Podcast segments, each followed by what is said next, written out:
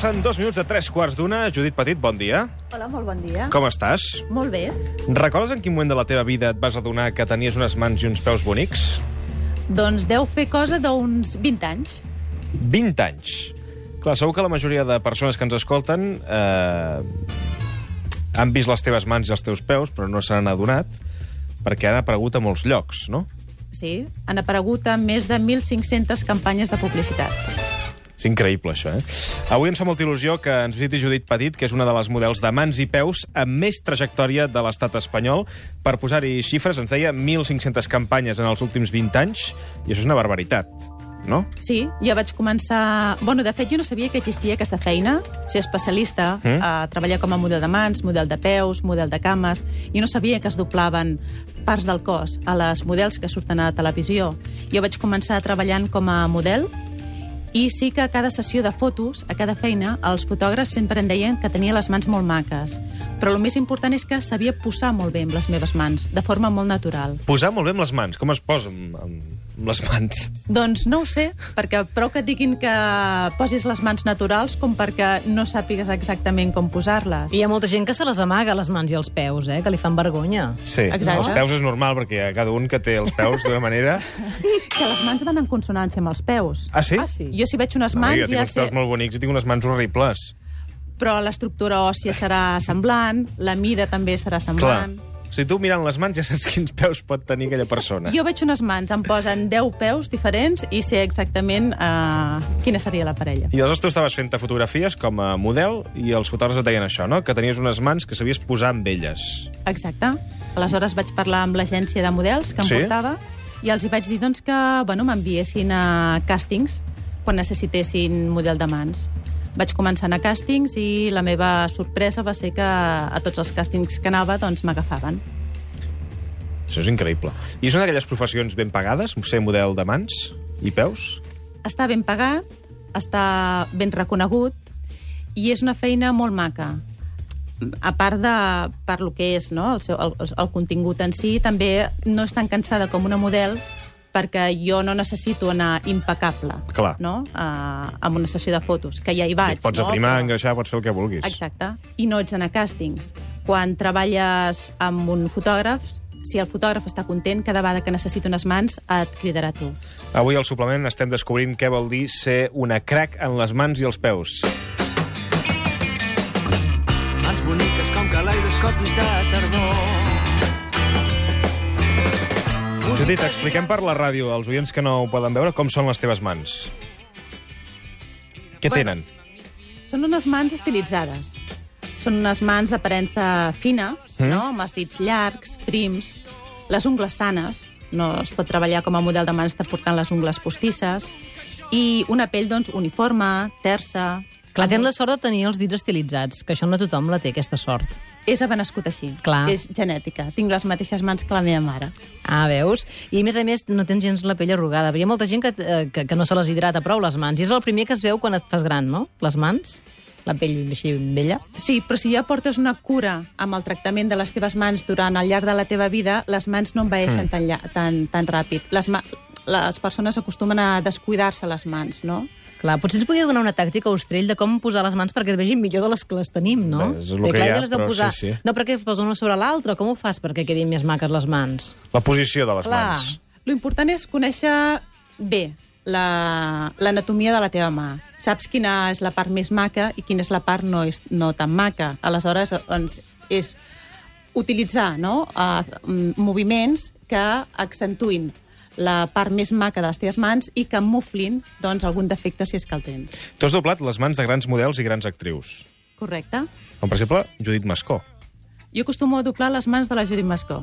La Judit Mascó, l'Annie Gartiburu, um, l'Andy McDowell, la Nieves Álvarez, Vicky Martín Berrocal... Bueno, tot el que siguin actrius, I és cert celebrities... que una vegada vas donar-li la mà al Dr. House en una escena de la sèrie?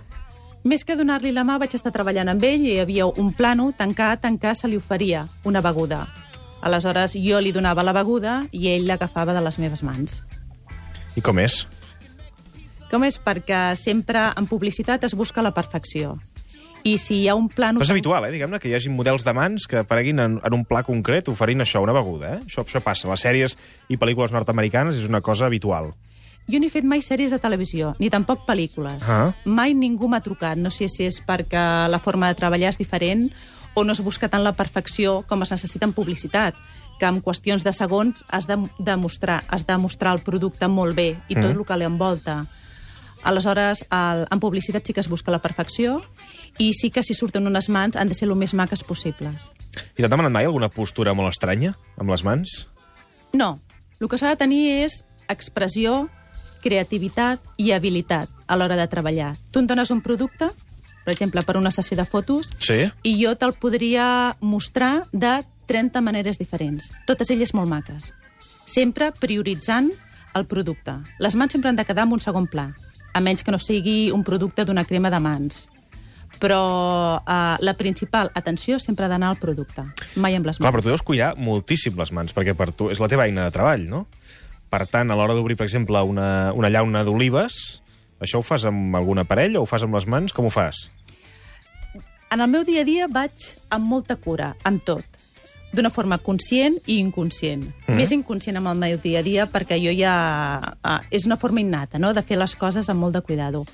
Ara, això sí que la cuina sí que tinc molta consciència de les meves mans per no fer... Bueno, per no poder-me-les danyar. No tinc ganivets que tallin molt.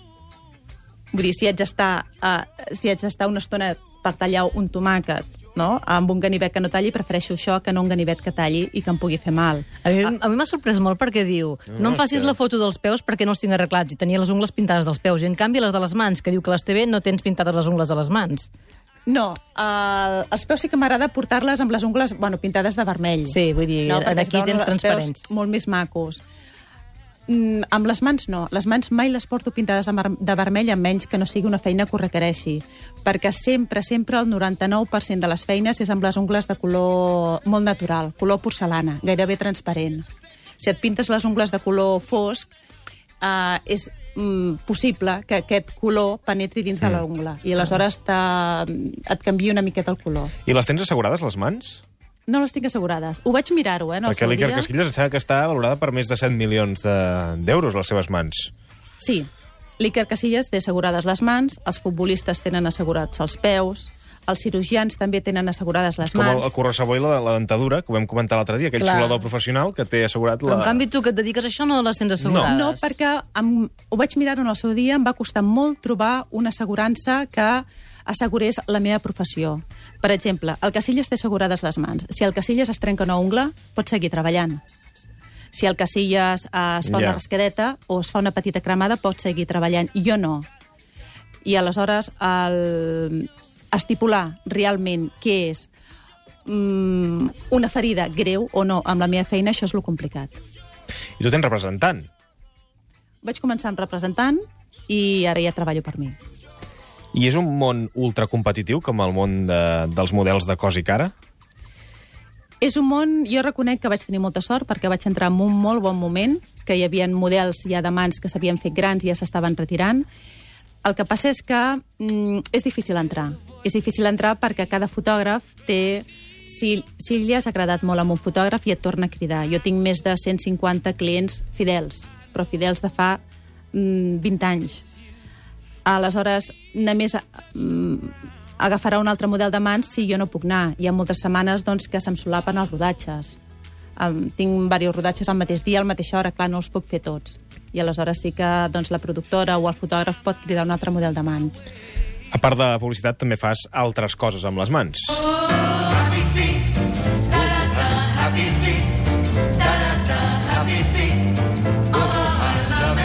Ets la musa de Lorenzo Quinn. Què vol dir això? Queen. Quinn, ah, perdó. Ell fa... Bueno, Lorenzo Quinn és un reconegut Sí. escultor. Fa escultures amb mans des de fa molts anys. Les escultures a mi m'agraden molt. Sempre que utilitza una mà masculina, uh, utilitza la seva mà, i quan és una mà femenina, doncs és la meva mà. També saps la llengua de signes. Correcte. I això per què vas decidir estudiar-la? Tinc molta facilitat pels idiomes i sóc molt curiosa. Uh, tota la meva vida va relacionada amb les mans. Mm. Per mi les mans és una part molt important del meu cos, no? Perquè Et comunica, d'elles. no? Comuniques a través de les mans. Exacte. i vaig voler estudiar i, bueno, vaig estudiar i doncs he col·laborat en diferents associacions, amb persones sordes, mm. i és una de les facetes doncs, que, que estic molt orgullosa. I durant molts anys has traduït una missa a la setmana per a persones sordes que anaven a l'església. Correcte, sí. Uh, treballava com a voluntària en una església i és la única missa que em sembla que es fa, es fa en tot l'estat espanyol. Es celebra tots els dissabtes a les sis i mitja a l'església de Santa Teresa, a la Mm. plaça Cala Placídia. Es fa una missa especial per sords. El mossèn posa veu Ah, però, i a també més a les més, mans. o sigui, tenen llengua de signes amb unes mans... Eh, Com que cal. que va- Sí, Celestials. sí, celestials, no? Que valen or, aquestes mans. Sí. No? Però veig a la teva web que també les cames també, que això ja és... un- Sí, faig molt de cames, Molt fort, també. això, eh? Sí. Les cames, perquè això sí que en cinema no sempre són les cames de la que haurien de ser. En aquesta vida, la... bueno, el bo és especialitzar-se. I jo m'he sapigut especialitzar molt bé En les extremitats. amb les extremitats, correcte. Això vol dir que jo doblo, per exemple, les mans, les cames, els peus, qualsevol part del cos d'una model. Què vol dir? Que no hi ha la model perfecta. Pot ser molt maca de, ca de cara, pots tenir unes mans maques, però les cames no. O pots tenir unes Tu, cames tu els precioses fas compensar les mans. models, molt bé. I quan et ve- veus algú, per exemple, quan has entrat a aquest estudi, t'has fixat en les mans de nosaltres, de seguida, o no? No, No. abans sí que ho mirava, eh? ara no. Millor. Més que, mirar la, Sí, més sí. que mirar les mans físicament, el que miro és l'actitud. Per exemple, tu no pares de posar-te els dits a la boca. Sí. Ah, sí, eh? És que aquest equip som de mossegar-nos Som de les mossegar-nos ungles. bastant les ungles. I temps a l'envelliment? No, No et fa por, això? no. Seguiran sent maques, les mans. Uh, no em preocupa, eh? He tingut la sort d'haver treballat 20 anys amb aquesta feina que m'apassiona. Mm. M'ha fet molt feliç. Estic molt agraïda d'haver tingut aquesta oportunitat i l'únic que puc fer és donar les gràcies. Jo creia que m'hauria d'haver retirat abans. Um, tinc 40... Acabo de fer 44 anys. Segueixo doblant mans de noies de 20 anys. Mm, no hagués imaginat, no?, mm. uh, que arribaria on t'he arribat ara i cada any que passi, doncs, és un regal. Judit Petit, model de mans que fa bo aquell mític eslògan del PSOC, les nostres mans al nostre capital. Moltes gràcies per vingut avui al suplement. Gràcies a vosaltres. És d'aquelles persones que m'agrada conèixer i que segur... Penso molt en Quim Monzó, que al Quim li agradaria molt, eh, si no ens ha escoltat l'entrevista ja li compartirem l'àudio, perquè és d'aquelles històries que al Quim li, li agraden. Moltíssimes gràcies. Definitivament, tu ets una crac.